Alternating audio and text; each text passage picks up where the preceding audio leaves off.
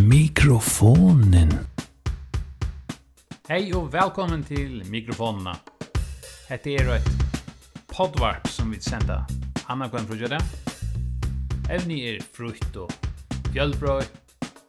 Det er alt etter hvert som er framme for tøyene og for gestur vi tar. Vi tar oss om spennende vidskifter som du ikke hører om kanskje sånn jeg for ærestandet. Men mitt navn er Bo Tyril. Velkommen.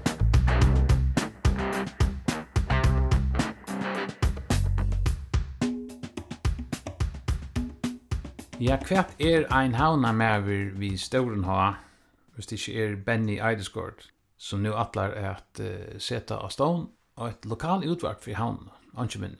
Hette er en spennande verskatlan som er kommet rattliga lengt, så vitt er void. Han atlar ikke sjálfur arbeid fulltime vi uh, utvarp noen, men uh, skal få åndra å gjøre det mesta. Han er, er han som setter etter gongt.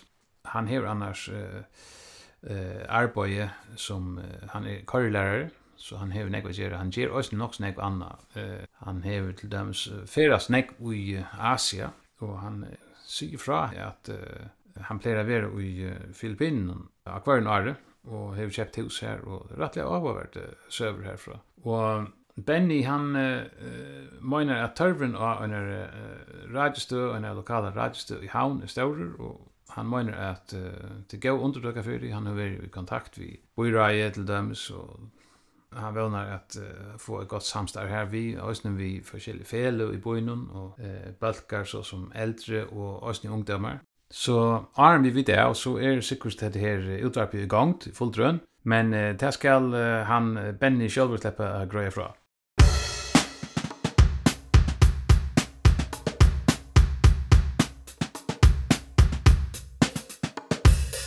Velkommen, og nu sitter vi inne til Benny Eidesgård her oppe i uh, Jökulstrat, jo da. Og Benny Eidesgård er en avhåverdig person, han er en, en ordentlig køyrere, må jeg sagt. Han er køyrelærere, og han hever uh, minst tusen uh, jøden i elden, har vi skilt. Uh, Bæg i fergen og Ærasane. Og et av søgneste jeg har hørt, var at han hever i ombudene at uh, sette i gang et uh, Mila-prosjekt Benny Eidsgård, jeg har uh, at du erst i gang vi at uh, fyrrøyga et nytt, uh, en nytt verskatlan innanfor uh, milar, uh, innanfor Okslev utvarp. Uh, kan du fortelle noe om det? Ja, det er en gammal tanke jeg har spalt meg vid lunsje. Det er at uh, få et eller annet køyre opp i havnene som her nægge vi havnene gjør, er, er, er, er sagt ned en av en stø, en utvarsstø som eh, kanskje mest omhandler det som hender i byen her bænt. Ok. Og ut i sambandet så har vi eh, finnet til løyve som skulle til, mm -hmm. og det er sagt, rettelig gammelt eh, en med verskatland som jeg har arbeidet vid landje, mm -hmm. men nå er jeg kommet her til at jeg må ta en, en støv hva det, hva det vil vi sånn. Ok. Og det som er, er at du får att å hjelpe Okej. Ok. Och och och ta du ser nu måste ta en hva er det som händer den kan oilover som är gångt eller eller eller vad. Nei, det ja, til är som Ja, til ju lover man ska ha några av av penninge för att få det här att mellan rundt. Men det första omgången så er man inte är så lett ut här som ska till för att köpa utger. Men det är för att forska taxar av att göra några sändningar och så få lyssare. Mm -hmm.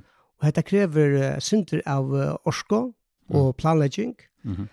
Men vi tar det her et annet arbeid vi syner av, så, så, så tek det uh, tydelig at uh, få et stinge på plass.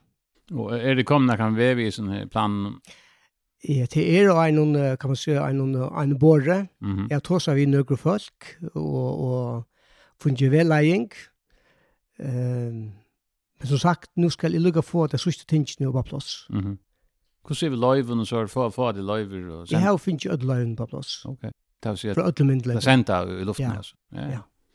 Og utgjør, det har ditt langt å men checka alltså. altså. Det har vi så finnet ikke, jeg tar så vi folk som har skilførsjon, og jeg finnet ikke det var gode priser. Mhm. Så de tingene er som så i leie, men som sagt, jeg skulle ha folk rundt om som kunne hjelpe meg visen. Mm -hmm. Så hvis det er noen ute som har sendingen så det er velkommen at uh, hei dame, bæ, vi har kommet i huskotene og gjør noen sending, og tenker seg er noen sending, og enda av stola, det er vi nummer ett, så kunne komme i gang. Mm -hmm.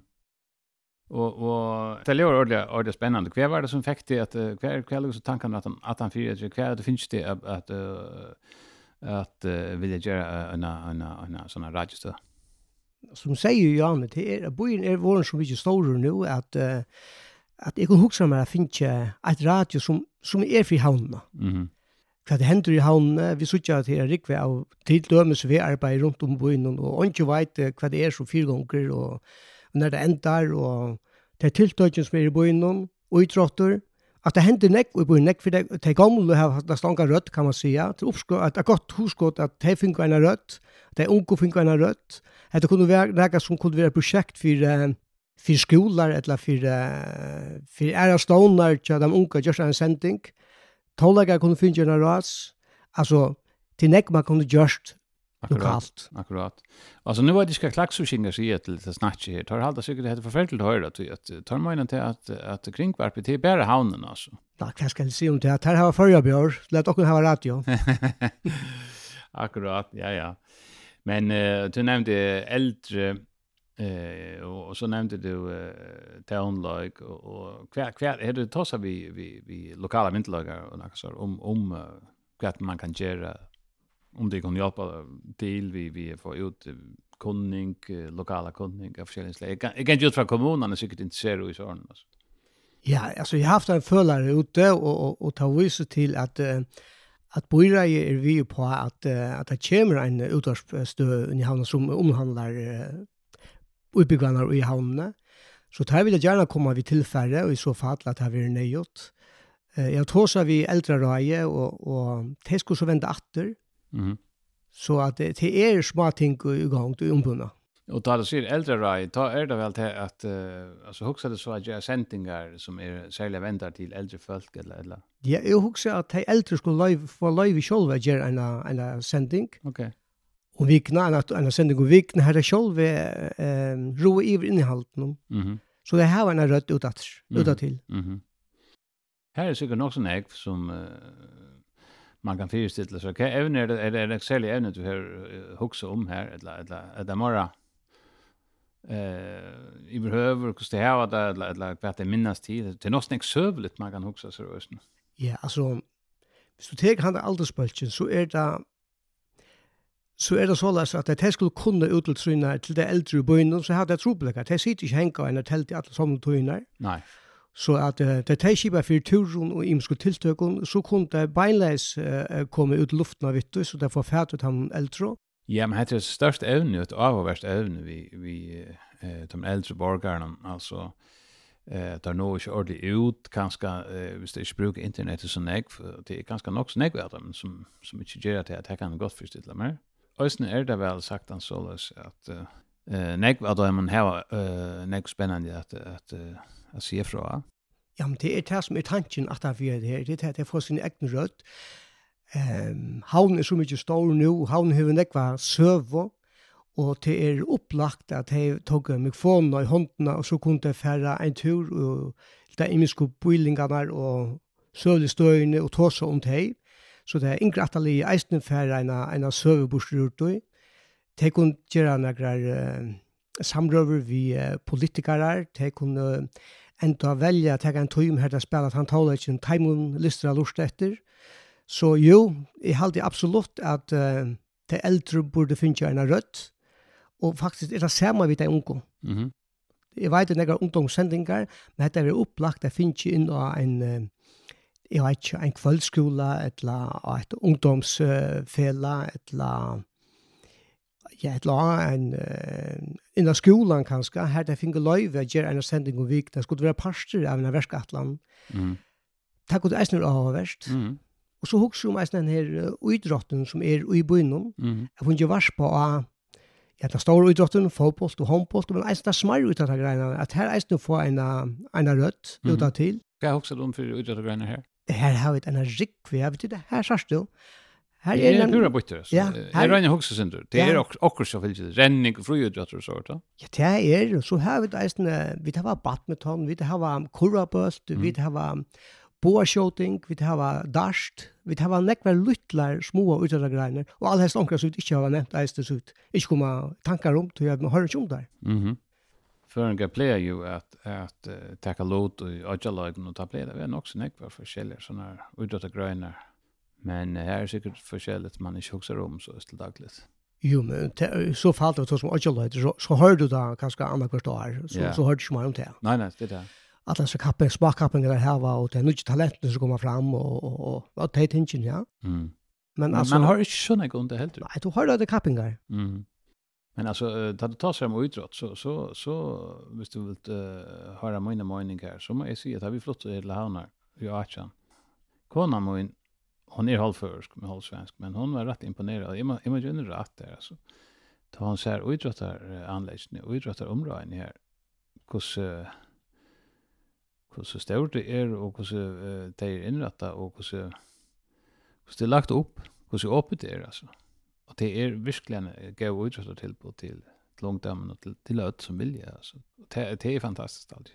Men eh hvis vi får för förbo i till en alert alltså kvärt är det särliga som man huxar om ta tar man sig lokal eh ja så nu kan kanske ta bura i efter lika som mhm alltså bura här har nekv uh, ting i ombona kvar det att lära att bytja nutjon, utbytja og kanskje teka nyer og ah, ja.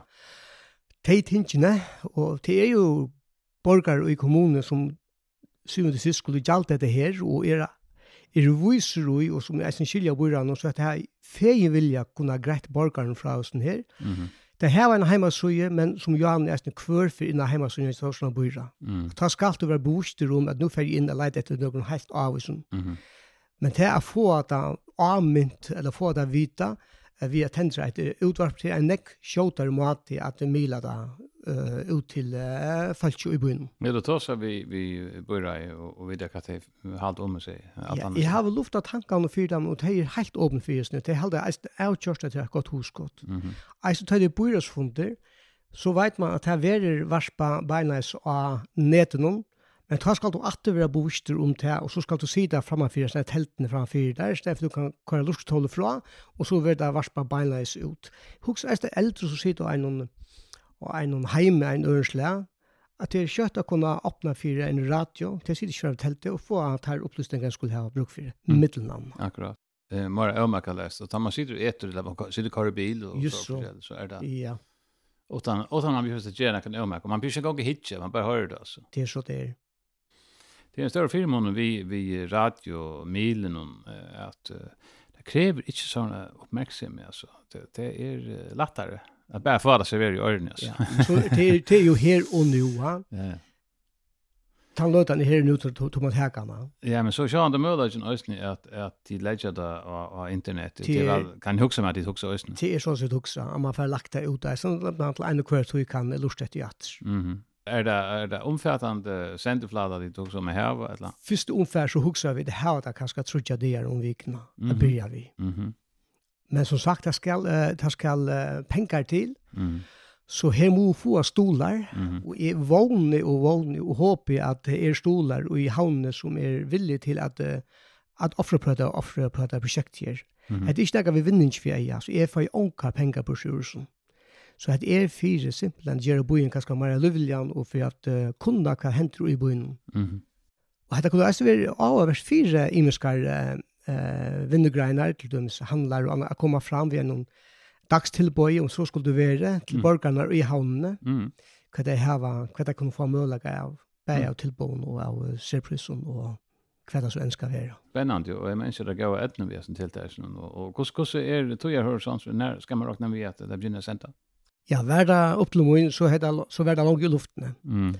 Og jeg kom her til at han må ta en avgjør nå, så ja, jeg vet, jeg, jeg, jeg, jeg tår ikke å se denne der fasting av. Mm. Men var noe innenfor halvstått av tog. Mm -hmm. Så, så er det her ute som, som er hod til å gjøre en sending, eller hoskott til en sending, Hetta er alt uh, frivilligt, så man får ikke løn for det, men man får en oppleving, og man får en lærdom, som man kanskje kan bruke vågjør i løn. Mm. Ja, men tann avhøyden er færre er ut, er færre er ut her, og uh, Benny, jeg har hovedsbredet, jeg synes at, at du sier du har annet arbeid ved søgne, og jeg vet at du med annet er kørelærer, og så har du nekket øyne i elden, og det var jo i øyne. Ja, Benny, uh, du har en også spennende bakgrunn, hadde jeg, altså du... Uh, Vi er cirka samme generasjon alt, ja, men du hever altså vært en, en utbyggingar og yrkesløy som er uh, rettelig avhåverd. Først var du, uh, hadde meg vidt at du var søle med over norsk landje, og, og så hadde meg vidt at du lærte til dekoratør og ble utbygging nærmere til det, og uh, tja, var det tja leko. Ja, altså, ja, jeg var søle med over nekk først tja fra Sestorf, uh, heilsølene, uh, og så sier jeg opp her beint, først i 90, og får så til Danmarkar. Uh, jeg vil selv med i Nekvar, først uh, flere år fra resten av heilsølene. Mm -hmm. Og så i halv fems nå så sier jeg opp her og får til Danmarkar. Mm -hmm. Og her fikk man sånn en stortlig utbygg som heter fremtidens bussjåfør, som. Oh. som um, heier nega vi, uh, hvordan man uh, heier flere folk i bussen, og vi uh, mikrofonteknikk og planlegging og teitingene. Eh, tar jeg livet til, så blir jeg faktisk for meg selv nere ved å selge gøggete, og så fikk jeg meg plass av Svenborg dekoratørskåle, for jeg får nemlig bare bygg, utbygging innenfor eh, som dekoratør viser marsjonaføring. Mm -hmm. Og tar jeg, tar, tar jeg livet til hans skolen i, uh, i Svenborg, så får, slapp jeg i lære i Tjaleko mm -hmm. nere i Billund. Ok. Ja. Visuell marsjonaføring, det er det største og spennende området. Ja, det har vært, det er så kjempestor uh, fyrtøk, altså. Ja. Uh, hvis man skulle gjøre noe, uh, et lømmes vindu i, i, i, uh, i Russland, et lømmes, så gjør de en teknik, plantekning av vinduene, og bæg, det ser nere vindu, og inn av vindu, vi ødler produkten, hver det er standast, oppstittlast, og centimeter, millimeter fra vinduskarme, og annet, og i lukt, og så får folk i Russland ut, og hongte akkurat som jeg har sagt det skulle være, middelanda. Mm -hmm. Og så får man omkring turer til, til dømes til Frankarutje, her det skulle være framsynning, her man så skulle sette framsynningene til, uh, opp, og nei, det var, det var, det var stått litt. Det var helt olivera, kom inn og, og hev tant med sjøene, det vil si, ja. Jeg kan forstille meg til det, og, og, og til åttan iver nekka du kan bruka og i, en i, i, i, i, i, i, i, handel og vinnvirksomhet og anna forskjelligt. At, at marknadsföring blir ofta øyelig ofta en parter, en viktig parter av det. Ja, ja. Altså, fra tog at det er utlagt at jeg leker så for så gör vi at eh, dømes döms inrätta handlar kvämmer eh, kort nog fokalpunkter inn i handlene. Hva er det i førjen? Det arbetar vi i førjen i UK. altså Eh er det til handelen vi vi vi inrättar. Ja, sommarhandlar Altså, Ja, ja. Jag borde göra när er borde ut det här man fekk folk jo gengarna av som uh, vi i handelen, mm. eller komme av noen fokalpunkter. Man, mm. Det er som anmynte folk om at kjøpe noen ting. Får det kjøpe mer? Ja, til dømes. Ja, men hatt det viktigt att det er, psykologien inte ut av visuella här. Eller liksom att få att här fram som ska fram. Ja? Det är så öle kött att det här vänder över och, och det undan gånt det här som man attra sälja och, och, och ungen. Så, så nyttar det inte. Alltså. Nej. Nei, nei, men, men hatt er, hatt er en vei for seg, og så er det noe ene av finner at det kommer til handel, man helt vel en handel til man skal tjene på, annars er det jo ikke en til å ha en handel som så, som tar penger for det. Mm -hmm. Och og så hade du ditt egna visst i någon var så så för inna inna inna att uh, arbetskorlär ja. Ja, så tar det, tar jeg kom att ur Danmark til førjar, så kom førjar arbetet anfars så söder med og och och så boy av era lärare och handskolan samstundes innan för diktaturer visade marknadsföring. Og ta kom jo ordet samband med sin unge og færdelig fytte følelsene. Altså, det er nekka så unaturlig fytt. Og av det samme, så, så, så blir det et eller annet uimer som sier det, jeg var arbeids- og folkemest, og en god måte at uh, gjøre det her på, at det har vært litt så livsaffære som køler. Mm. Du tar erst og vi nærmengen en parst av togene, og du kommer til å kjenne det rett eller vel. Så jeg valgte jeg færre Danmark i mai, nei, jeg, får, jeg ble utlært i mai 2005. Mm -hmm. Så det er... Nere. Var det 15 år siden? Ja, da, da er vi 16 nok nå i, uh, i år. Ja, ja. Okej. det Det skulle nog passa. Jag är 20 över då, ja. Men lucka halda halda styra årstölden här. Ja ja, lucka mig. Jag var så 15 16 år sedan. Ja, ja. Det blev utlärd till det här, ja. Akkurat.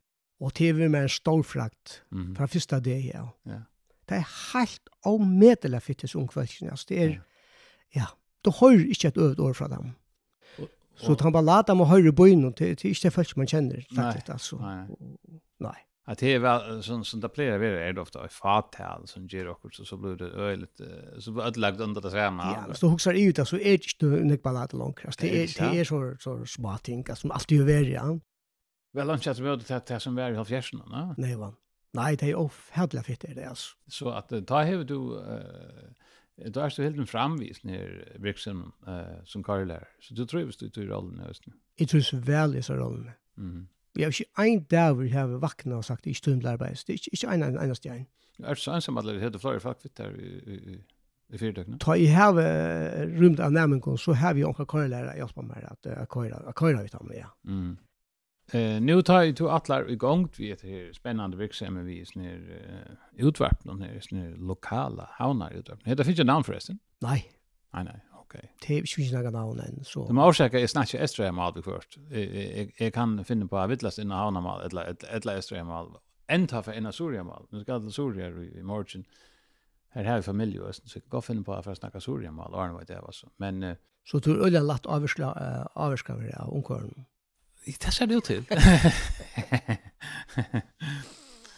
Det ser det ut til, tror Men uh, ta ut nu kommer igång, ta i hetta virksim kommer, som man sier, av alvar igång. Sars du fyr der ta at du, uh, at det blir fulltøyar uh, arbeid i tjater, eller, eller hvordan huksa du da? Nei, ikke fyr meg, altså. Nei. Jeg kan gjerne sett folk uh, som tog seg ut, men, men uh, det er aldri mye uh, fulltøyar starf, det er det ikke. Nei. Men bøyer mangler det. Akkurat. Har du finnes jo nek folk til at uh, si at det er vittig, eller har du du, du hørt det fra nek fra sugene, at det mangler sort? Nei, det er bare som jeg har uh, lagt mest til uh, så leis uh, som tog inn ikke. Altså, du høyrer ikke nek om hva du henter fire folk i bøyen. Som karlærer så har du sikkert nok så nek uh, av forskjellige søvn, uh, hva henter i bøyen og Jeg husker meg det er nok så spennende i Østene, at jeg husker lokalt så løst, at uh, det er nek visker som du renner av, og, og det er nek uh, omvælingar og bitching og forskjellige tænaster, så, så er det forskjellig. Som det er kanskje undan gømt, altså. Det er kanskje så du husker om å få, få fokus av oss, eller hva? Altså, ja. Da jeg har nærmere bilen, så sier det ofte om hva, hva det er færre, og hva hender i byen, og jeg har ikke annet seg alt. Nei. Altså, så jeg har ikke, altså, Men så fast näka vite här och så kanske vara en sån tipsare kanske till till nästa radiostation. Ja, tänk om man melder sig till att ta sig några sättningar så, så fungerar det. Du kan säkert bruka, bruka att det här uh, karstetetschatter som en, en, en uh, rekryterings... Uh, Basa omkringslä. Ja, ja. Låt det bara komma igång alltså så så bara det bara få sin egen form. Men uh, du är nog så voj omkring. Var det också säga att du är i i Filippinerna och sånt? Ja, her er jeg nesten kvørst år. Det har vi vært nå de seneste 6-7 årene. Hva er det som er så spennende ved Filippinene? Det er vekk, växer vekk, går. Det er vekkere. Jeg fer her om veteren, min sommerferie, hun ligger om veteren, og hun ligger i januar, februar, ta ferie av sted, nei, januar måned, mm -hmm. til desember måned, og til akkurat det beste klimaet i fjerde føringer for alle Filippiner, da ligger det om en 28-30 grader kvønte, Perfekt. og nesten ikke regn. Mm. Så det er helt, helt fantastisk. Og folkeslag er nækka så utrolig fyrt folkeslag. Det kan jeg forstille meg, ja. altså. Jeg er ikke veri her, men jeg er veri i, i, i Asia, altså jeg er veri i Thailand, og ångt på handamaten. Två, två år gjør det der, altså, for i januar måned, cirka. Så var man akkurat viker her, og vekkere er bare helt perfekt, altså. Ja, ja, det er akkurat som det skal være. Akkurat vi. Og vekkene er så øyla fint, altså. Ja. Så att eh men det är också något samband i det här mellan Färjar och Filippinerna. Alltså nu är det bläst jag en eller redaktör och en webbmail som heter Local FO och här så tjur alltså stitchen med för Google uh, starts. Så så tjur det att Filippinerna öle nägvelis härifrån. Så att det är något snäck samband. Alltså något snäck ahu för Färjar. Jag läser om Färjar. Jag vet inte, det är nägvelis pinnar i Färjar men jag känner någon annan. Nej. Men jag har at man vet att det är flera av dem. Ja. Ja. Hva er det så særlig, altså, er det, er det nekka vi kulturen, eller maten, eller klimaet, det var åkt, ja, og følelsen er fitt, altså. Kvart, hur vil du lösa bonen föringar fitter röst med? Men hur er monen alltså? Jag kan filtra det här. Det till Asien är spännande och och och till sikkert øyla fitt folk. Jag känner inte några filippiner. Jag mötte onkeln och stöken där var. Jag mötte några föringar röst, fitt folk, ja. Men kvart är det som ger alltså kvart är monen du lösa det så Norrland Norrland är inte ganska grått eller eller sol. Sen det dempa ut och alltså motor till stöden här i mora sol och eller eller eller hur upplevde du det? Ja, så nu var det väl där Mm. Og så er det kvita strender alla stans. Mm. Blauer tjekkvor, alltid Jeg står enda at du hoppar i tjekkvun er det hatt. det er um, avslappande, um, Det är väl också en, en fraskänsla att det här att det här är ofta hooks om alltså ta det så högt. Vad är man så glad för det? Men det är också du släpper undan affär i stora jackar och och tröjor och, och allt det där och gummistövlar där ska för ut. Alltså, du behövs inte. Du, du kan bara gå in med t-shirt. Ja, du kan planlägga det där. Du vet akkurat ska göra morgon eller nästa vecka eller nästa månad. Du du vet att arn alltså att ta ber till. Mhm. Är det näck folk eh ur ur uh, från okkara brödgraden hon du sagt som som möts här i det? her er nekve russar. Ja. Mm -hmm. uh, her som er i Øtleføren. Mm -hmm. uh, det er uh, nekve skandinavarreisende. Mm. Amerikanere og angstmenn, Mm -hmm. Det kommer så å si at det stands fra. Ja, ja. Rikva kineseren. Ja, det kan jeg ta, ja. Ja, men her, her er uh, det er faktisk alle stands fra. Ja. Ja. Spennende, ja. Er det sånn åk? Uh... Jeg, er for alt en åk som heter Cebu. Mm og en som heter Bahal, altså det er ja, Bahal. Hva ligger det henne i måned? Ja, det er altså Filippinene, er det ikke en rikve vatsjon? Jo, her er det rattlan ekva vatsjar, men her er det en tjej tusen vatsjar. Oha. Ja. Det er øyelig. Ja. Og her er en av dem. Det heter så langer sur, det er langer est eller vest? Mitt ui. Mittui. Mittui. ja. Hvordan står er en typisk vatsjar? Altså, er det som strema? Som man sier, du færre i ødelstøtten. Ok. Ja. Du færre lukka fra Lutteldøymon til upp efter. Ja, upp efter. Och han den här som du eller här så bor som du blir oftast av vilka hur stora är cirka är där. Ja, ska du visa dem inte att du kan ska nämna jag där att det kan ska förklara att du kan själv förklara vad står något så ser ut. Bra hitje. Ja.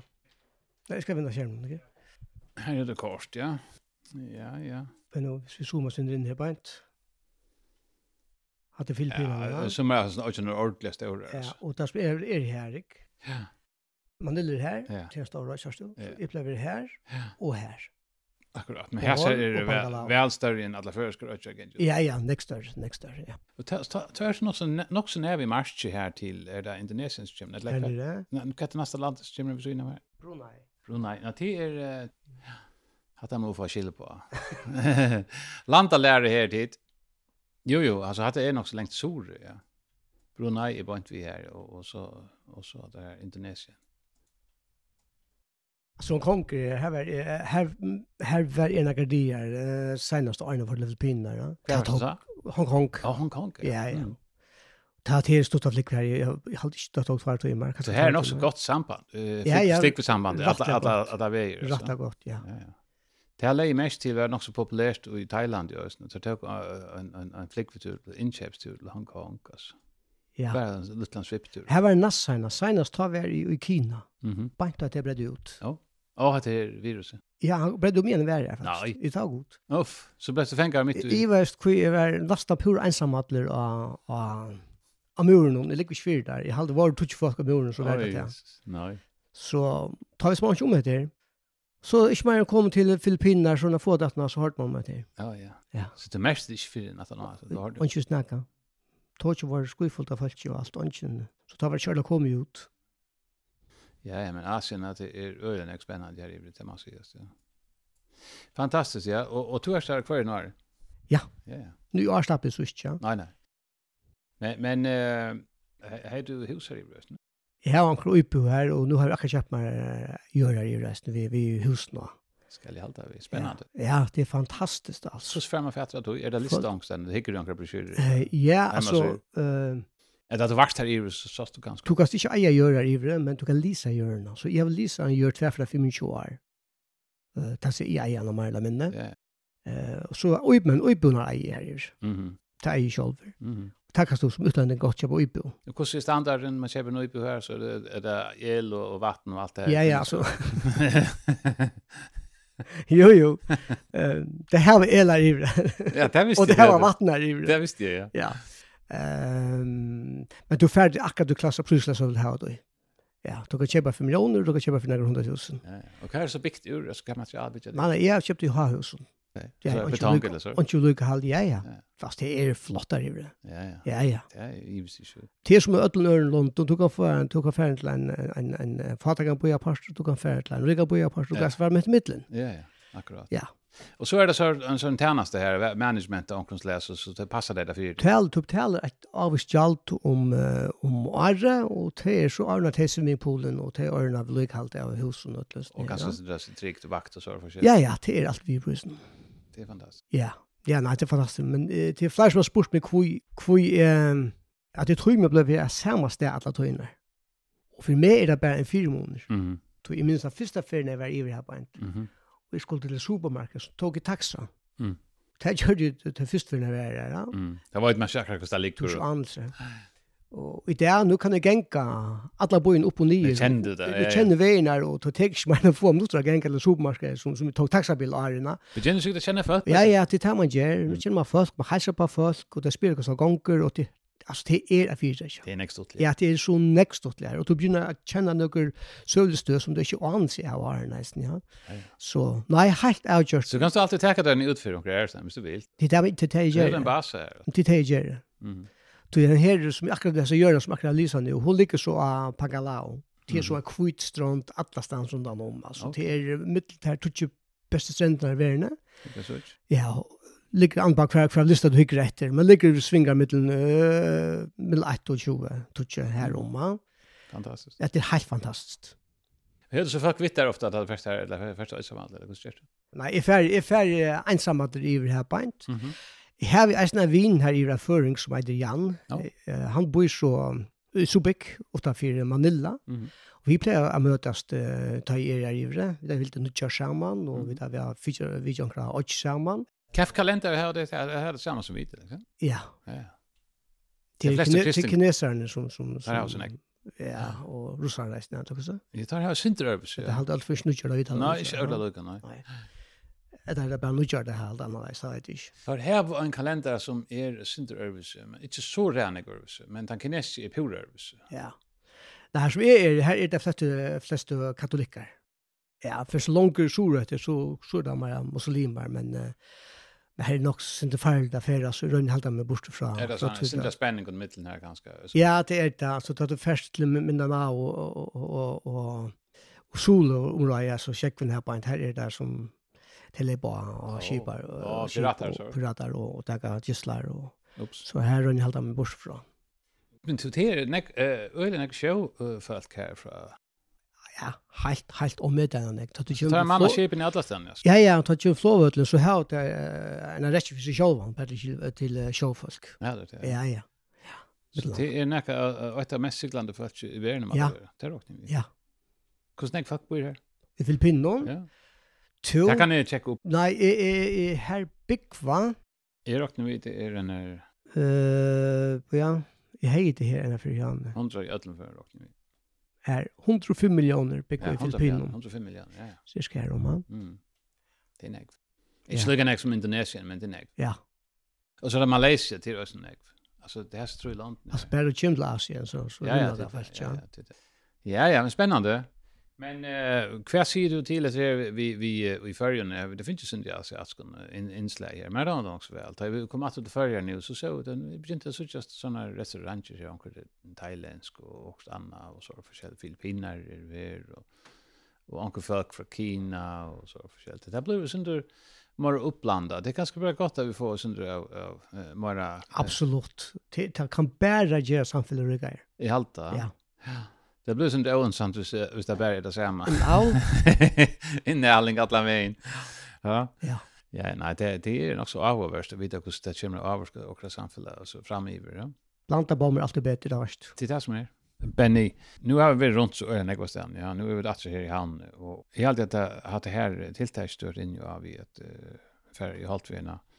en utdrapstöð, en lokala utdrapstöð, det er nok så avhåverst. Og de følelsene du løyder etter for togene, kan du si om det, er, er det journalister, eller er det, er det bare mentene, det er ganske mest mentene tilfær, eller så, lokalt, uh, som du husker om, altså, er det folk til å gjøre sendingene, er det, løyder det sponsor nøysen, kanskje? Ja, altså, utan penger ber det ikke til. Nei. Og tog jeg godt husker om at, at her fyrtøkker som er jo i havnene, og som uh, vilja tjene, eller som livet av borgaren i havnene, var jo av jo i at uh, vi vi er at landa på en. Jeg husker dømes visitorsan opplagt at de kanskje var vi, de fikk så inn tvinder ut, mm Bei bare førskene og kanskje oppe det bedre, kanskje av for de som vi kör har ta kunde kunne være en en, en, en, en uh, oppstagstalve, at de forteller i hesa vikne kvar mulighet de har. Mm -hmm. uh, det kunne være, ja, så havnen er stor, mm Uh, det kunne være, som sier Janne Bøyrei, som kommer ut uh, eisen ena for vikene og forteller hva slag, hva vi arbeider for i gang, hva prosjektet for i gang. Ja, det er nek bygg i gang, altså bare her som vi bygger om man for her, og ikke hvordan vi bygger blokker i bygder nå, eller rettshus her, om man for her, Staffala, eller her. Ja, ja. Øyne nek. Og, og det henter uh, mentar livet, notta livet, det blomstrer i havnene, mm -hmm. opplagt at de kommer ved sin inputte, mm -hmm. uh, det er bare en vind-till-vind-situation. Alltså, till alla min jöken. Och, och så, så er det att man också, att man också havnen, om det är så stor som du säger. Ja. Men, men til Østen til kommunen, hon, hon spröjer sig också nej. Altså, det er nödsöken är en av havnen i det, och Kotlafjör är en av havnen, och, och, og Kalbak, och, och så är det välpast det, och Kirstjepö, och det andra. Ja, men det är så att det er utgjøren som, som är utgör, går så lengt ut om havnen man kan komma. Ja, ja. Og til løyvene som nå er for å fra fylgja vi, vi, vi uh, utarstøyen, ja. Her nå er det så er marskert ikke sintur. Ja, til, til et par løy vi får fra myndleggen. Ja, ja, altså geografisk, hvordan lengt det er. Grensene her og, og teitingen, ja. Kraftig senter nere og så. Ja. Ja, ja. Øyta så havnar bøyer, eller øyta havnar kommuner. Det må bare være havnen, alt om til havnen. Finn det, hva det er. Ja, ja. Ja, men i alla fall en gå ett vis ner. Jo takk. Og som sagt nu håper jag att eh, telefonen för ringe, som eh, att det är noen som bjør seg fram till att eh, vi er via gör sändningar och till att stolas ned.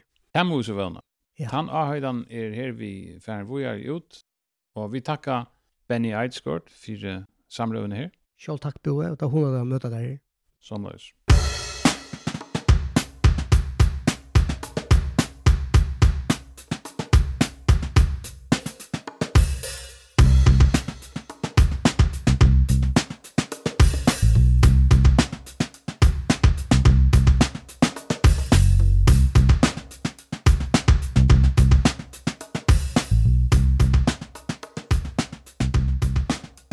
hetta var så tær vit høttu í mikrofonen á hesun sinne. Vónandi fingur dit negbusjur. Takk fyri at lufta luftaðu. Vi verður um 14 der.